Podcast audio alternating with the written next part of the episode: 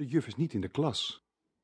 De meeste andere kinderen zitten al in de kring en aan de tafel van de juf zit meester Max, maar Juvendi zelf is nergens te zien. Dag jongen, wat is er met jou gebeurd? zegt meester Max. Waar is de juf?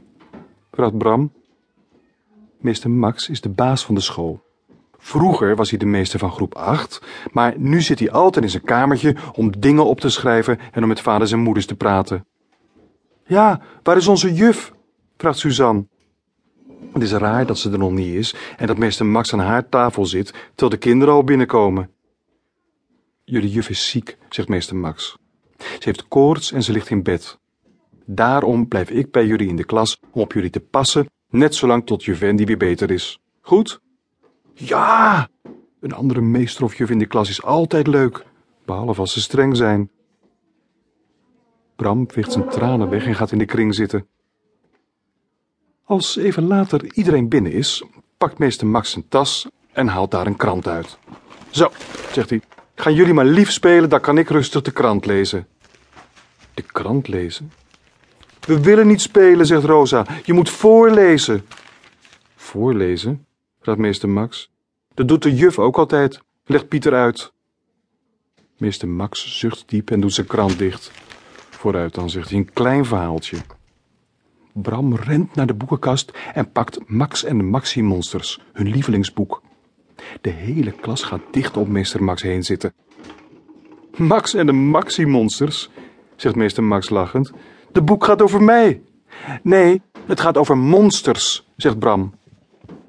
Meester Max bladert in het boek. Is dit niet te eng voor jullie? Het is juist spannend, zegt Bram.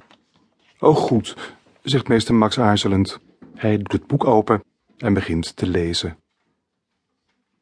Toen Max een wolfspakje aan had en kattenkwaad uithaalde en nog meer kattenkwaad, terwijl meester Max voorleest hoe Max met een boot naar het land van de Maximonsters zeilde en hoe vreselijk die Maximonsters met hun tanden knarsten en met hun ogen rolden, beginnen sommige kinderen op hun stoel te draaien en te biebelen.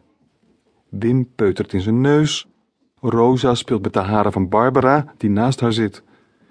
Bijna niemand luistert naar het verhaal, want bijna niemand vindt het leuk. Ook Bram vindt er niks aan.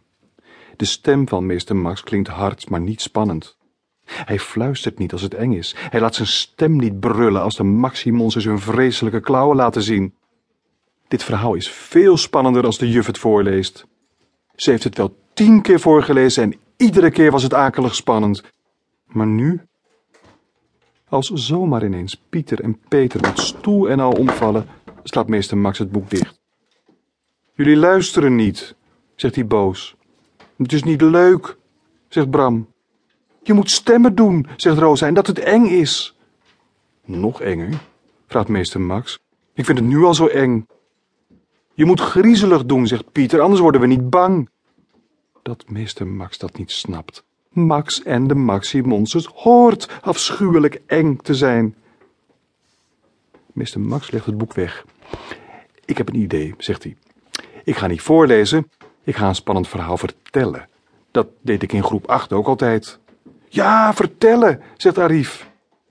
Trek de gordijnen maar dicht, zegt meester Max. Het doen het licht uit en een kaars aan. Wat vinden jullie daarvan? Geweldig vinden ze dat. Even later zitten ze in het donker bij het licht van één klein kaarsje om meester Max heen. Met een krakende griezelstem begint hij te vertellen. Er was eens een monster. Een afschuwelijk monster. Het had zeventien koppen en rollende ogen en akelige klauwen om kinderen mee te vangen. Kleine kinderen op een school.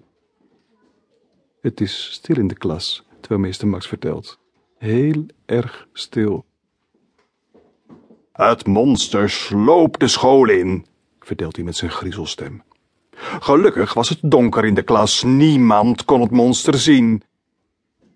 Bram rilt. Hij durft zich niet te bewegen, zo spannend vindt hij het.